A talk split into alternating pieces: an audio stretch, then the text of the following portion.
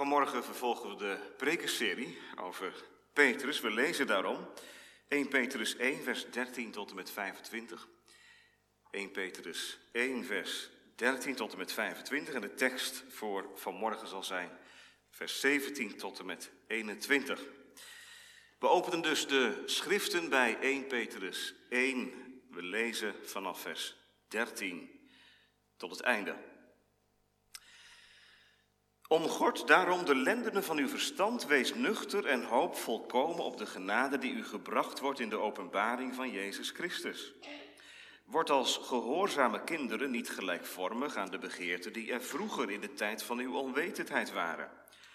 Maar zoals Hij die u geroepen heeft heilig is, wordt zo ook zelf heilig in heel uw levenswandel. Want er staat geschreven, wees heilig, want ik ben heilig. En dan volgen de woorden van de tekst. En als u hem als vader aanroept, die zonder aanzien des persoons naar ieders werk oordeelt, wandel dan in de vrezen des Heren. Gedurende de tijd van uw vreemdelingschap, in de wetenschap dat u niet met vergankelijke dingen, zilver of goud, vrijgekocht bent van uw zinloze levenswandel, die u door de vaderen overgeleverd is, maar met het kostbaar bloed van Christus, als van een smetteloos en onbevlekt lam hij is wel van tevoren gekend, voor de grondlegging van de wereld, maar in de laatste tijden geopenbaard omwille van u. Door hem gelooft u in God, die hem opgewekt heeft uit de doden en hem heerlijkheid gegeven heeft, zodat uw geloof en hoop op God gericht zijn. Nu u dan uw zielen gereinigd hebt in de gehoorzaamheid aan de waarheid, door de geest, tot ongeveinsde broederliefde heb elkaar dan vurig lief uit een rein hart.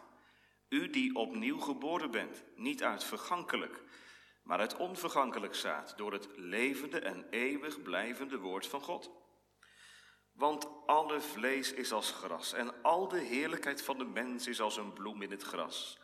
Het gras is verdord en zijn bloem is afgevallen. Maar het woord van de Heere blijft tot in eeuwigheid. En dit is het woord dat onder u verkondigd is. Tot zover de schrift en de tekstlezing. Het zal in de preek gaan over de rijkdom van een godvrezend leven. En daarom zingen wij straks naar de preek uit Psalm 34, het vijfde vers.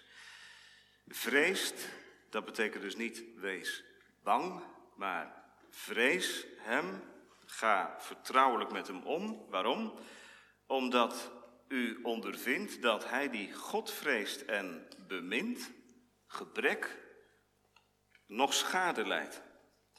Dus jongens en meisjes, wie de Heere hartelijk lief heeft, aan hem verbonden is door het geloof, die mag straks zingen. Ik mis nooit het nodige goed. Nou, dat is eigenlijk de rijkdom van een godvrezend leven in een notendop. Psalm 34, vers 5.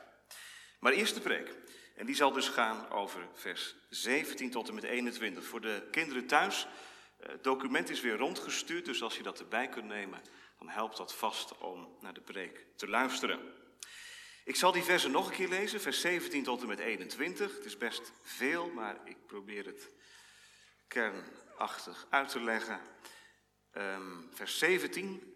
En als u hem als vader aanroept, die zonder aanzien des persoons naar ieders werk oordeelt, wandel dan in de vrezen des Heren gedurende de tijd van uw vreemdelingschap. In de wetenschap dat u niet met vergankelijke dingen, zilver of goud, vrijgekocht bent van uw zinloze levenswandel, die u door de Vader overgeleverd is, maar met het kostbaar bloed van Christus, als van een smetteloos en onbevlekt lam. Hij, Christus, is wel van tevoren gekend, voor de grondlegging van de wereld, maar in de laatste tijden geopenbaard, omwille van u. Door hem gelooft u in God, die hem opgewekt heeft uit de doden en hem heerlijkheid gegeven heeft, zodat uw geloof en hoop op God gericht zijn. Er zijn van die woorden, gemeente, hier en thuis, die je gewoon niet moet vervangen. Maar die niet meer modieus zijn. Modieus, dat is van deze tijd. Van die flitsende, snelle woorden die in de mum van tijd door Jan en alle man eh, in de mond genomen wordt. ja, dan is dit woord eigenlijk al op achterstand. Godvrezend. Jonge mensen, jullie die meekijken, Godvrezend, gebruik je dat nog? Maar ook ouderen, gebruiken wij dit woord nog? Godvrezend, vroeger werd er gesproken over Godvrezende mensen. En natuurlijk, ik weet wel, daar zat soms ook een zweem van heel veel bijzonders omheen, wat ook niet goed was. Maar toch, ik weet zelf nog wel, in mijn kindertijd, dat, mijn ouders spraken over dat is een godvrezende man en een godvrezende vrouw. En goed, misschien is mijn beeld daardoor ook niet helemaal goed gekleurd, maar achteraf denk ik, ja, ik snap het wel. Godvrezende kinderen van God, dat zijn mensen die met hem omgingen, vertrouwelijk met hem omgingen en met diep ontzag voor hem leefden. Nou, dat woord, dat is nou een woord, gemeente, wat we niet moeten opgeven vandaag. Dat we niet moeten inruilen en ook niet moeten kwijtraken. Petrus gebruikt het in vers 17. Wandel dan in de vrezen, en dan ziet u dat de HSV cursief erachteraan zet, des Heren. Dat staat weliswaar niet in de grondtekst dus, maar het is wel duidelijk dat dat ermee bedoeld wordt. Het gaat hier over de vrezen des Heren, een kernbegrip uit het Oude Testament, wat zelfs in het Nieuwe Testament nog voorkomt.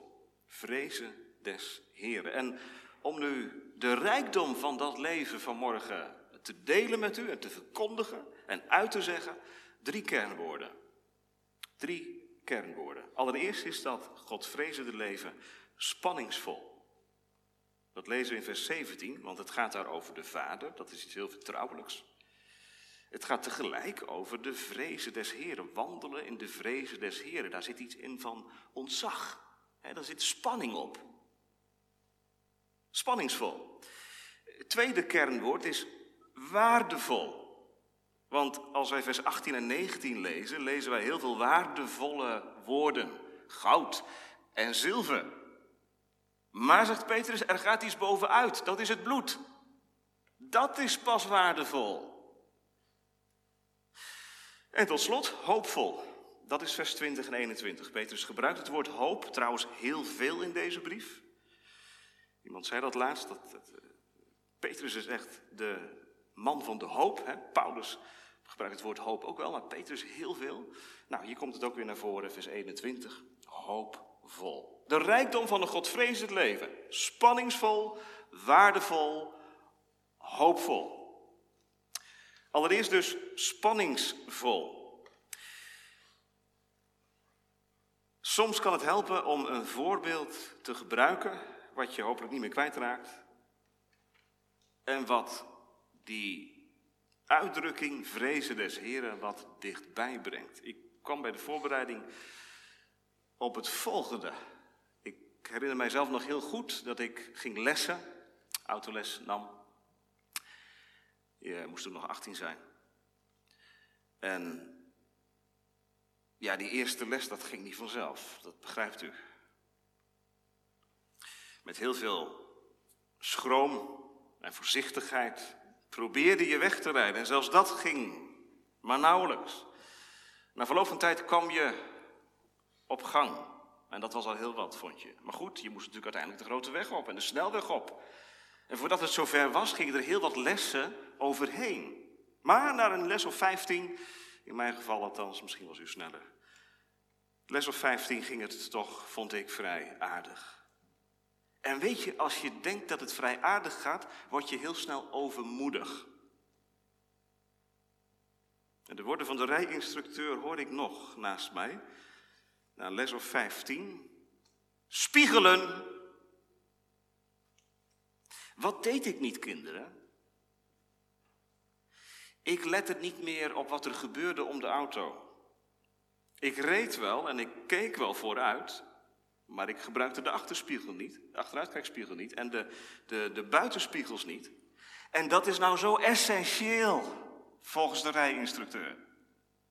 Want wil je veilig kunnen rijden en ook deel kunnen nemen aan het verkeer, dan moet je die spiegels gebruiken. Nou, dat is het eerste wat erbij inschiet. Ga maar na. Spiegelen. En dat is nou het belangrijkste. Want je kunt wel denken dat als je een stuur vasthoudt en een beetje gas geeft en een beetje remt, dat je daarmee van A naar B komt. Nou, vergeet het maar. Dat levert brokken op. Je hebt die spiegels nodig, die reflectiemomenten. Wat gebeurt er achter mij, naast mij? En, en doe ik het goed? Zit ik niet te dicht op? En, enzovoort. Nou ja. Laat nou de preek van vanmorgen zo'n spiegelmoment zijn. Vrezen des Heren, dat is dat er op gezette tijden in je leven, en eigenlijk is dat het grondpatroon van je leven, die spiegel is. Want je kunt wel zeggen, nou maar ik geloof toch. Ja, maar hoe staat het ermee dan? hoe, functioneert het dan in je leven? Petrus legde de vinger bij. Als je hem als vader aanroept. Als je nou beleid kind van God te zijn. Nou, waar blijkt dat dan uit? Wandel er dan ook naar. Die vrezen, dat ontzag voor God, heb je nodig. Zoals je die auto steeds weer die spiegelmomenten nodig hebt. Die ervoor zorgen dat je niet roekeloos en zorgeloos over de, over de weg scheurt, maar dat je met een zekere vrees toch altijd achter dat stuur stapt. Nee, dat is niet de angst. Maar dat is de voorzichtigheid. Die maakt dat je behoedzaam voorwaarts gaat. Nou, dat is nou het eigene van het leven met de Heer, zegt Petrus. Dat is een godvrezend leven. Ik kan het ook anders zeggen. Daar zit enerzijds het vertrouwen in, de eerbied voor God, het met Hem omgaan. En anderzijds het ontzag voor de heiligheid van God. En ook het besef van onwaardigheid. Wie ben ik, Heer? Ik, klein, nietig schepsel. Nou, herkennen we dit? Als je beleidt dat je van Hem bent, is dit dan wezenlijk voor je leven? Is dat een rode draad in je leven? Gemeente, dit is vitaal geloofsleven. Dat eigen onwaardigheid beseft en steeds meer beseft. En zich tegelijk verheugt in de genade van God, waar je je steeds meer over verwondert. Dat is niet muf en stoffig en iets van verleden. Zo leefde Zacharias en Elisabeth bijvoorbeeld. Zij waren rechtvaardig en vreesden God. En jonge mensen, zeg alsjeblieft niet dat dat hoort bij iets van de oude dag. We lezen in de Bijbel over Obadja bijvoorbeeld. Hè? Weet je wat hier van Obadja staat in de Bijbel? Hij vreesde God zeer. Heb je hetzelfde woord?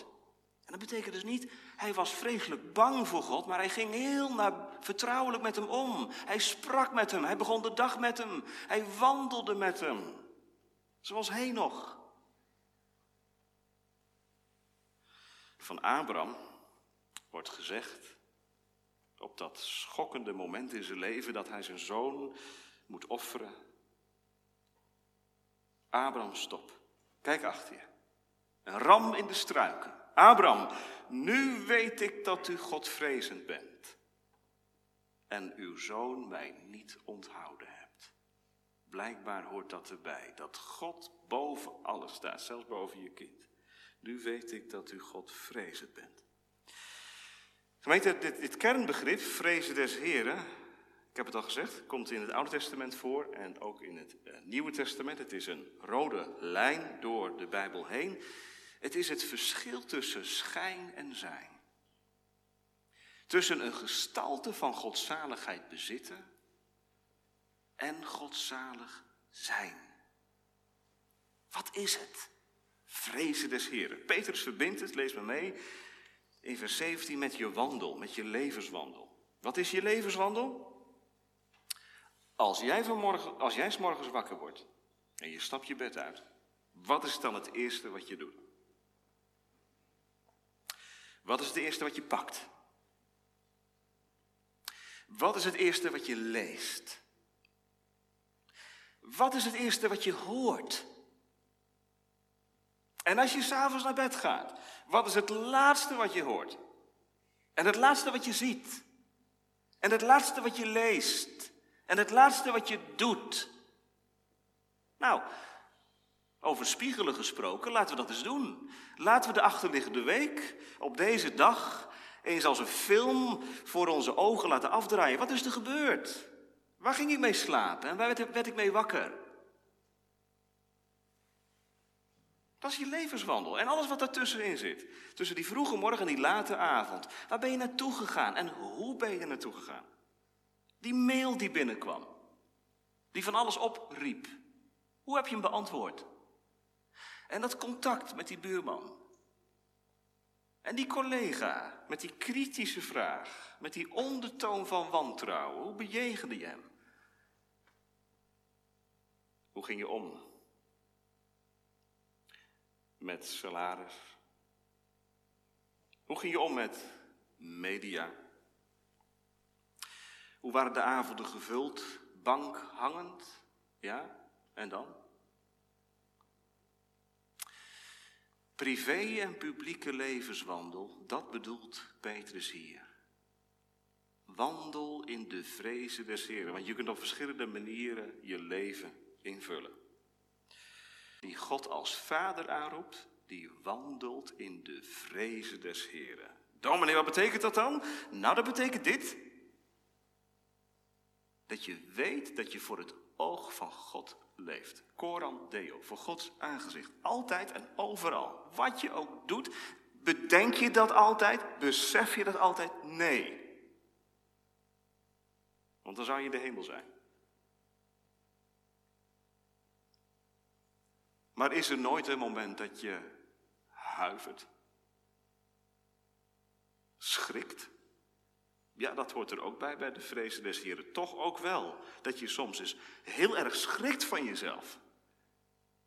Geconfronteerd wordt met jezelf, omdat er iets gebeurt waarvan je dacht, dat zou ik niet meer doen. En waarvan je ook weet, dit past niet bij wat ik beleid van Christus te zijn.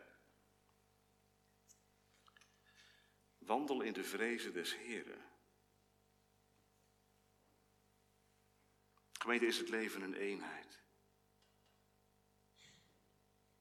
Pas sprak ik iemand die zei: Ik ben opgevoed op een hele uh, christelijke uh, wijze. Christelijk in de zin van op zondag moest alles goed gaan en kloppen. En door de week kon alles, want dan zag toch niemand het. Nou, ouders in onze gemeente, als je je kinderen als je je kinderen religieus kapot wil maken, moet je zo leven. Op zondag vroom. En door de week, ach, dan ziet toch niemand het. Want kinderen prikken hier helemaal doorheen. Door dit dubbele leven. Dit is geen wandelen in de vrezen des Heer. Als op zondag alles perfect moet en, en kloppen moet. En, want de mensen, de mensen, de mensen. En door de week Als de voordeur in het slot valt. Wat gebeurt er dan allemaal in dat huis? Onderling, mannen en vrouwen, kinderen. Wandelen in de vrezen des Heeren, dat je leven een eenheid is geworden. Geen compartimenten, geen delen. Maar Psalm 139, Heer, doorgrond en ken mij. Toets mij, mijn hart ligt voor u open, alwetende. Misschien schrik je er wel van deze morgen, dat is helemaal niet erg. Want in de kerk mag je ook best eens een keer heel erg schrikken. Zo schrikken dat je overal doorheen zakt. En er misschien wel achter komt, mijn religieuze leven is inderdaad niet meer dan een religieus leventje. Ik ken hem niet eens.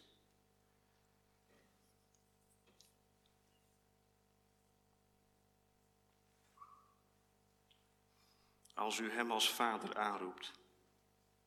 Wandel in de vrezen des Heren. Wil Petrus dan dat ik schrik? Ja. Die rijinstructeur, die zei dat tegen mij. Spiegelen, niet om een compliment te geven, En ook niet om maar iets te zeggen. En ook niet, nou ja, het is een optie, eh, meneer Van der Weg, als u in de spiegel wilt kijken, moet u zelf weten, ik adviseer u om het. Nee, het was een eis. Doe dat nou. Het is levensgevaarlijk als je dat jezelf ontwendt. Wandel in de vrezen des Heren. Mag God zo vanmorgen, gemeente, ons leven onder de loep nemen? Wegen, dat doet hij, hè? Kijk maar. Als u hem als vader aanroept, die zonder aanzien des persoons naar ieders werk oordeelt, weegt. Dat doet hij dus. Doen wij ook, hè, onderling. Oh ja, wij wegen er ook wat af. Wij taxeren en schatten in en discrimineren. Soms al bij voorbaat op basis van beeldvorming. Heb je al gehoord? Die en die. Oh ja, oh is dat, uh, ja, die is getrouwd met. Oh, die, echt waar? Nou, en persoon A is veroordeeld. Verkeerd, goed. Moeten we heel veel voor oppassen, ook in de gemeente. Dat we zo met elkaar omgaan. Zeker als de gemeente divers is. Voor je het weet, maak je hieraan schuldig dat je discrimineert.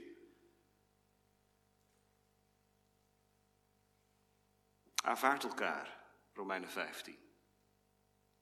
Ja, maar dan mag je het nergens, oh ja, dan mag je het overal over hebben. Maar als je eerst maar die ander aanvaardt. En binnen die aanvaarding mag je met elkaar een goed gesprek hebben. Over waar je van mening verschilt. Maar niet andersom. En dat, gaat het nog wel eens mis, hè? Goed, onderling gebeurt het. Maar de Heer doet het ook. Gemeente, wat doet Hij? Hij doet het op een terechte, op een goddelijke manier. Hij doet het zonder aanzien des persoons. Dat vinden wij heel lastig om niet te zeggen onmogelijk. Zonder aanzien des persoons spreken, oordelen. De Heer doet het wel. En hij oordeelt naar ieders werk, staat er. Wat is dat? Naar je daden. Wat er uit je hart komt, dat weegt hij. En hij kent ook mijn intenties en mijn motivatie, waarom ik iets doe en niet doe. Dat zijn vaak de belangrijkste elementen van een actie, toch? Waarom doe je het? En voor wie? Waarom ben je ambtsdrager? Dominee. Waarom zit je in die commissie? Waarom zeg je ja toen je gevraagd werd om iets te presenteren daar of daar? Wat zijn je motieven? Zijn die zuiver? Waarom trouwde je? Waarom ontving je kinderen? Voor jezelf.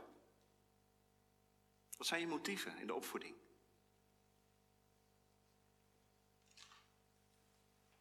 Als u hem als vader aanroept, weet dan dat hij degene is die zonder aanzien des persoons naar ieders werk oordeelt. Hij weegt en taxeert. U zegt dat doet hij straks aan, aan het einde der tijden. Jazeker, maar dat doet hij nu ook al. Zijn oog doorloopt de hele aarde. Alle dingen zijn openbaar voor hem met wie wij te doen hebben, Hebreeën 4. Wandel in de vrezen des Heren.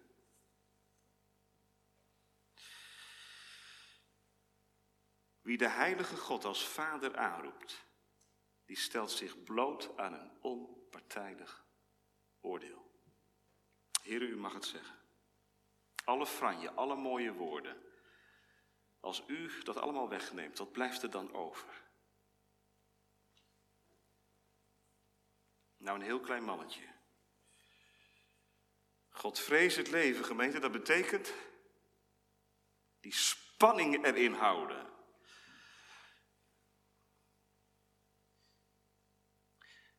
En daar zorgt de Heer voor, voor die spanning, maar dat is ook iets waar ieder die beleidt christen te zijn oog voor moet hebben.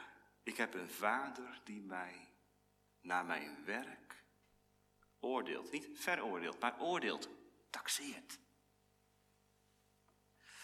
Wat is het wel bijzonder, hè, gemeente, dat, dat Petrus het woord vader in deze zin gebruikt in zo'n sfeer. Er staat niet, en als u hem als God aanroept, die zonder aanzien des persoons zijn ieders werk oordeelt. Als u hem als vader aanroept, dat is heel vertrouwelijk. Een kind van God, die heeft God als vader, als Abba. En die mag hem ook aanroepen als Abba. Doet u dat? U zegt, ik heb schroom als ik zie op mezelf. Ja, dat begrijp ik. En die schroom wil de Heilige Geest wegnemen om God als Vader aan te roepen. Een vader die zonder aanzien des persoons oordeelt. Dat betekent dat wij geen vader hebben die wij in de handpalm hebben, die wij kunnen uh, masseren en die kunnen sturen. Een vader die heilig is. En dat hebben we nodig, gemeente. Wil ons leven een leven zijn van navolging. Weten dat Hij Vader is, die oordeelt. Al mijn motieven. Nog een keer die auto, hè? Waar ik mee begon. Hoe lang heb je je rijbewijs al? Twintig jaar. Veertig jaar. Ervaren autobestuurder dominee. 40.000 kilometer per jaar. Gebruik je je spiegels nog? Ze zitten er niet voor niets aan. Wat er ook verandert aan al die auto's. Die spiegels blijven. Valt u dat ook op? Nog geen auto gezien zonder spiegels. Gezonde vreesgemeente hebben wij nodig. Want anders wordt het leven een multiple choice. Bij iedere keuze, zoveel, bij iedere beslissing zoveel keuzes en ik mag het zelf allemaal invullen. Maakt allemaal niet uit. Nee, zegt Petrus, het is de tijd van je vreemdelingschap. Dat houdt hij die christenen voor daar in die, in die verstrooiing. Je bent vreemdeling, je bent bijwoner, je bent op reis, je bent pelgrim. Bedenk dat. Hier is niet je thuis. Je bent onderweg. Gemeente, bidt u het, gaat u zo om met de Vader. Heilige Vader, u oordeelt mijn motieven, mijn werk. Hier ben ik, heren. Doe mij leven als een vreemdeling hier beneden. Niet vreemd te doen, maar vreemdeling, doorreizend naar die stad die fundamenten heeft. Wat een spanning, hè? Spanning die het gezonde geloofsleven tekent en blijft tekenen. Dan blijf je zelf heel klein. En dan wordt God al groter. We gaan naar de tweede gedachte, het tweede kernwoord. Dat is waardevol. Niet alleen spanningsvol. De zegen van de God het leven is niet alleen spanningsvol, maar ook waardevol. En ik zou de kinderen willen vragen, vanmorgen hier in de kerk en thuis, kijk eens even mee in je Bijbeltje. Als je kunt lezen tenminste. En noem dan eens even de dingen op die waardevol zijn in vers 18 en vers 19. Ik zal de tekst voorlezen, luister maar. In de wetenschap dat u niet met vergankelijke dingen, zilver of goud, vrijgekocht bent van uw zinloze levenswandel, die u door de Vader overgeleverd is, maar met het kostbaar bloed van Christus, als van een smetteloos en onbevlekt lam. Wat is waardevol? Dat was de vraag. Nou, jullie kunnen vast het antwoord bedenken. Hè? Wat is waardevol? Goud, dat is waardevol. Zilver, dat is waardevol. Misschien zeg je het ook wel eens, als ik later groot ben, dan hoop ik dat ik heel veel geld heb. En een grote auto kan rijden en een groot huis heb. Want ja, goud en zilver, geld, dat is natuurlijk macht. Daar kun je heel veel mee doen. Weet je wat de Bijbel zegt? Dat zijn vergankelijke dingen. Nou, ik hoop dat jouw ouders dat ook uitleggen aan jou. Je mag natuurlijk best dromen over later. Dat heb ik ook gedaan toen ik kind was. Maar ja, dromen kunnen ook uh, voorbij gaan. Het kan ook anders gaan in je leven. Ik hoop dat je ouders dat uitleggen. Dat zilver en goud, dat dat niet het belangrijkste is. En dat ze dat natuurlijk ook in hun eigen leven laten zien aan jou. Dat geld niet gelukkig maakt. Dat er maar één ding gelukkig maakt. Wat is dat dan? Nou, dat is dat andere waardevolle, of ik moet zeggen het enige waardevolle in deze tekst, dat is vers 19, het bloed van Christus. Dus tegenover zilver en goud wordt het bloed van Christus gezet. Dat ze tegenover elkaar. Waarom? Om de waarde van het bloed van Christus des te heerlijker te laten schitteren. Want let u erop, het gaat er niet om de rijkdom te veroordelen. Petrus zegt niet zilver of goud. Dat is verkeerd. Dat zult u ook in de Bijbel nergens vinden. Sterker nog, er kan ook iets van zegen in zitten. Dat je een leven hebt, zoals Job, als Abraham, rijk. Wat zijn er veel rijke mensen, gelukkig veel rijke christenen, die met hun vermogen zoveel goeds en opbouwends kunnen doen. Dus dat kan ook. Maar Petrus gebruikt zilver en goud om het tegenover het bloed te stellen. En hij zegt dus, vergankelijke dingen, dat is zilver en goud. En vers 19, het bloed van Christus, dat is kostbaar. Wat is kostbaar? Nou, die vaas in de kamer van je ouders, die, jou, die jij omstootte, toen je met een stuiterbel door de kamer heen gooide, was je moeder niet zo blij. Die vaas is kostbaar. Dus kostbaar is iets van waarde. Je denkt aan die geschiedenis uit de Bijbel.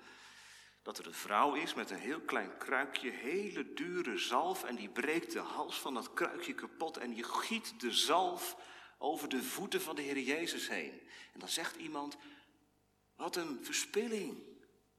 Die zalf was kostbaar.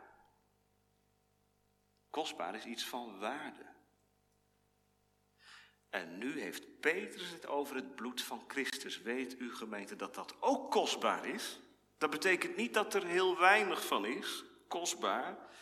Dat is vaak in onze sfeer wel zo. Als wij het woord kostbaar gebruiken, betekent het ook vaak dat iets heel weinig voorkomt. Een kostbare vaas, daar zijn er niet veel van. Maar ik mag u vanmorgen zeggen dat het bloed van Christus kostbaar is in deze zin. Als het gaat om de waarde en de kracht ervan en wat het uit kan werken. Maar dat er genoeg is, meer dan genoeg, voor een verloren wereld. Bloed van Christus. En Peter zegt er dan nog iets bij. Het is het bloed van Christus als van een smetteloos en onbevlekt lam. Nou, dat document wat rondgestuurd is, daar staat ook die kleurplaat op van Abraham, die zijn zoon Isaac moet offeren. En weet je dat bij die geschiedenis in Genesis 22 God voor het eerst het woord lam gebruikt? God zal zichzelf een lam voorzien ten brandoffer, mijn zoon Abraham. En later komt het woordje lam terug, bijvoorbeeld in Exodus 12. Als het volk van Israël een lam moet slachten in de nacht waarin ze Egypte gaan verlaten. En nog weer later komt het woord lam terug, bijvoorbeeld in Jesaja 53. Wat staat daar? Als een lam is hij, is Jezus Christus naar de slachtbank geleid. Lam, dat is een woord met inhoud. Daar zit het hele Oude Testament in. Lam. Daar riep het Oude Testament om. Christus is een smetteloos en onbevlekt lam. Er ontbreekt helemaal niets aan. Dat maakt het zo kostbaar. Dit lam is perfect gemeente. Perfect voor imperfecte mensen. Voor onvolkomen mensen, voor zondaren zoals u en ik. Kostbaar bloed. Petrus zegt, wie God als vader aanroept, heeft Christus als verlosser omhelst. dat gaat samen op. Als je God als vader hebt, heb je Jezus als verlosser leren kennen. Kijk maar, vers 18, in de wetenschap dat u niet met vergankelijke dingen, zilver of goud, vrijgekocht bent van uw zinloze levenswandel. Petrus gebruikt deze woorden om aan te geven dat die wandel, dat godvrezende leven, inhoud gegeven wordt door te bedenken dat je gekocht bent. En wees eens eerlijk, is dat ook niet vaak de kracht van het heilige leven? Dat is niet dat je s'morgens vroeg tegen jezelf zegt, en nu zal ik ervoor zorgen dat ik niet zaggerijnig ben en niet jaloers ben en mijn kinderen geduldig te woord sta en mijn vrouw lief heb en ik zal ervoor zorgen dat ik niet meer in die zonde val. Er zijn goede voornemens die vaak helemaal niet uitkomen. Wat is nou het krachtigste middel om heilig te leven? Gemeente, dat is deze gelovige wetenschap dat je gekocht bent. Dat je niet meer van jezelf bent. Dat er voor jou bloed is gevloeid. Dat er iemand in jouw plaats moest sterven om de toorn van God tegen de zonde te stillen. Wie dat bedenkt, wie dat iedere morgen bedenkt, die wordt voorzichtig. Godvrezende mensen, wat waren dat voor mensen? Ik zei aan het begin van de preek, het zijn mensen die met diep ontzag voor God leven en zelf overtuigd waren van eigen onwaardigheid, beperktheid.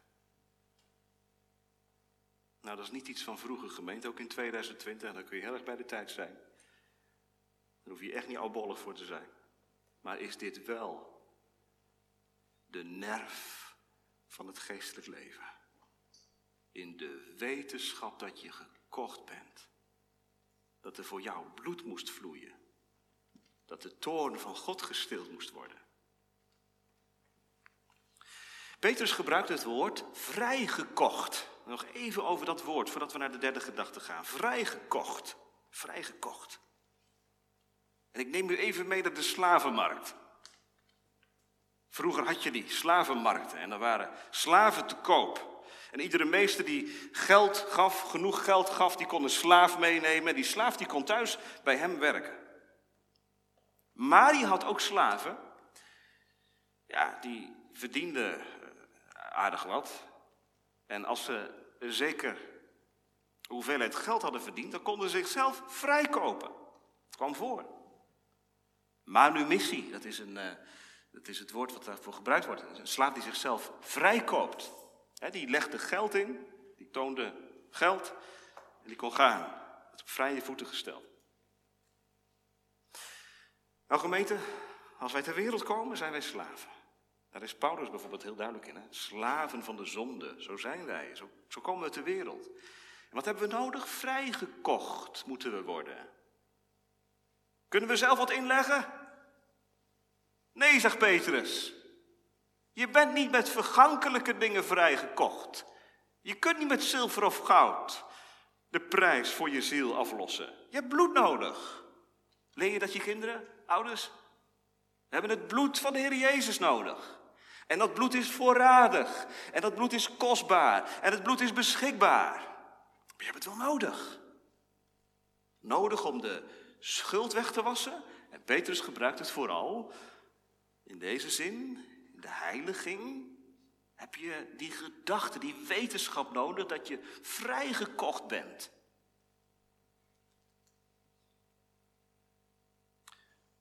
En daar moet je iedere dag mee beginnen, gemeente. Wie ben ik?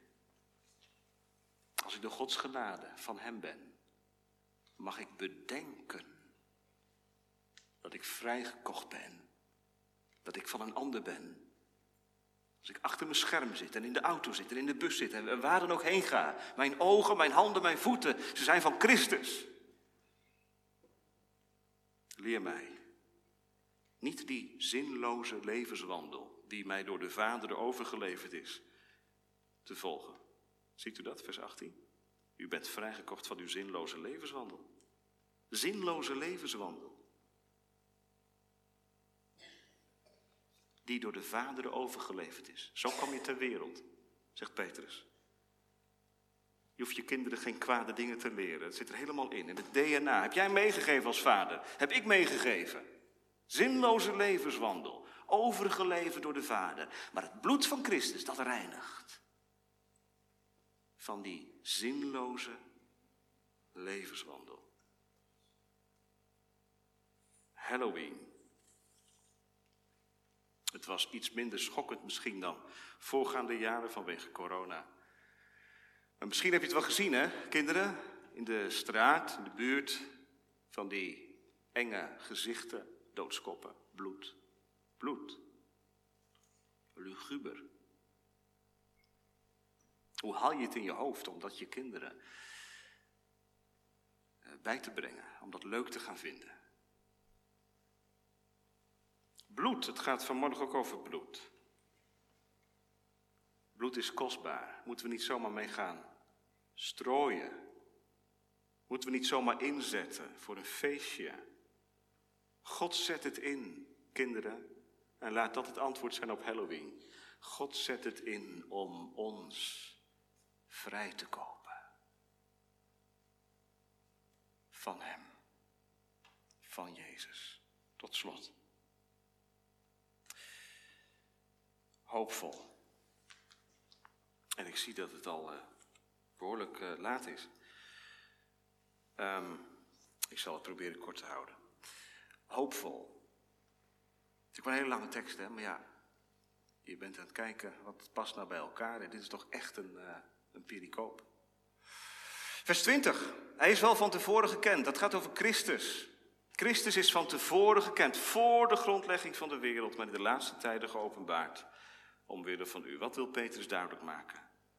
Dat de Heer Jezus, al voordat jij geschapen werd, al voordat de aarde bestond, door de Vader gekend is. En dat Hij nu is geopenbaard in de laatste tijden, dat, dat is nu omwille van u. Gemeente, nooit zullen we kunnen zeggen als we voor God verschijnen, het was niet voor mij. God presenteert zijn zoon in de verloren wereld omwille van u, zondaren. Is dat niet tuizelingwekkend, gemeente? God gedachte van vrede al voor de grondlegging der wereld. Hij wist dat ik zou vallen. Hij heeft zijn verlossing in zijn zoon bekendgemaakt. Nou, deze zoon, zegt Petrus, is het waard. Om geloofd te worden. Om gediend te worden. Door hem, zegt Petrus, gelooft u in God. Gemeente, er is maar één weg om met God verzoend te zijn.